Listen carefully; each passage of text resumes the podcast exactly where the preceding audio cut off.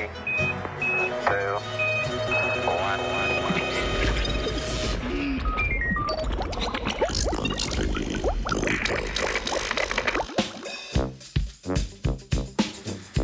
Rak med sesalci. Današnji znanstveni Britov posvečamo bolezni, ki terja drugi najvišji smrtni davek med človeškimi boleznimi in se tako uvršča takoj za kardiovaskularna obolenja. Raziskovalci in raziskovalke so v študiji raziskali, kako je rak razširjen pri drugih sesalcih in ali pri opaženih tveganjih za razvoj raka pri sesalcih obstajajo kakšni značilni vzorci.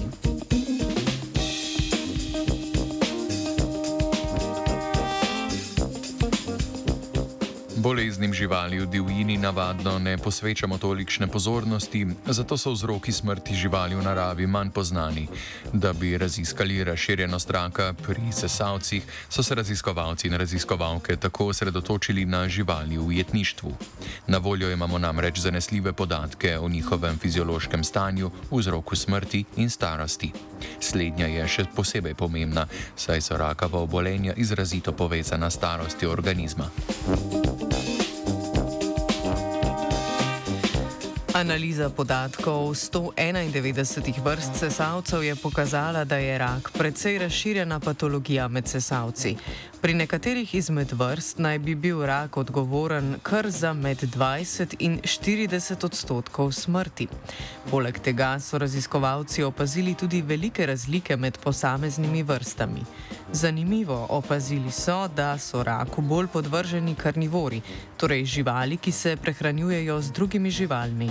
Takšno opažanje so raziskovalci pripisali nižji mikrobiomski pestrosti prehrane, možnosti okužbe z onkogeni, onkogenimi virusi in zmanjšani fizični aktivnosti.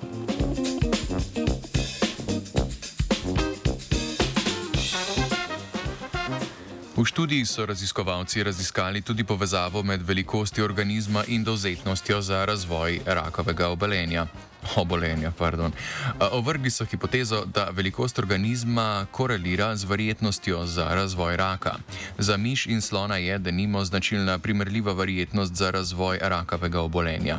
Prav tako so raziskovalci ovrgli hipotezo o povezavi med verjetnostjo za razvoj rakavega obolenja in pričakovano življenjsko dobo. Rezultati špekulirajo, da bi evolucija lahko pri večjih organizmih odbirala boljše gene, ki sodelujejo pri zaviranju rasti tumorjev. Zaradi teh so takšne živali, kljub svoji velikosti, dobro zaščitene pred razvojem rakavih obolenj.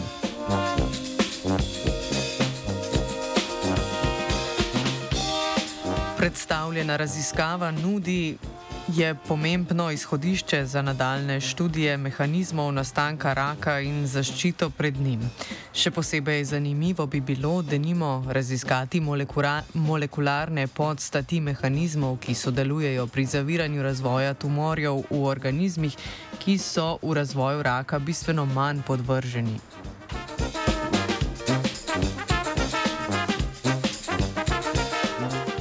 Z Britov je pripravil Uroš.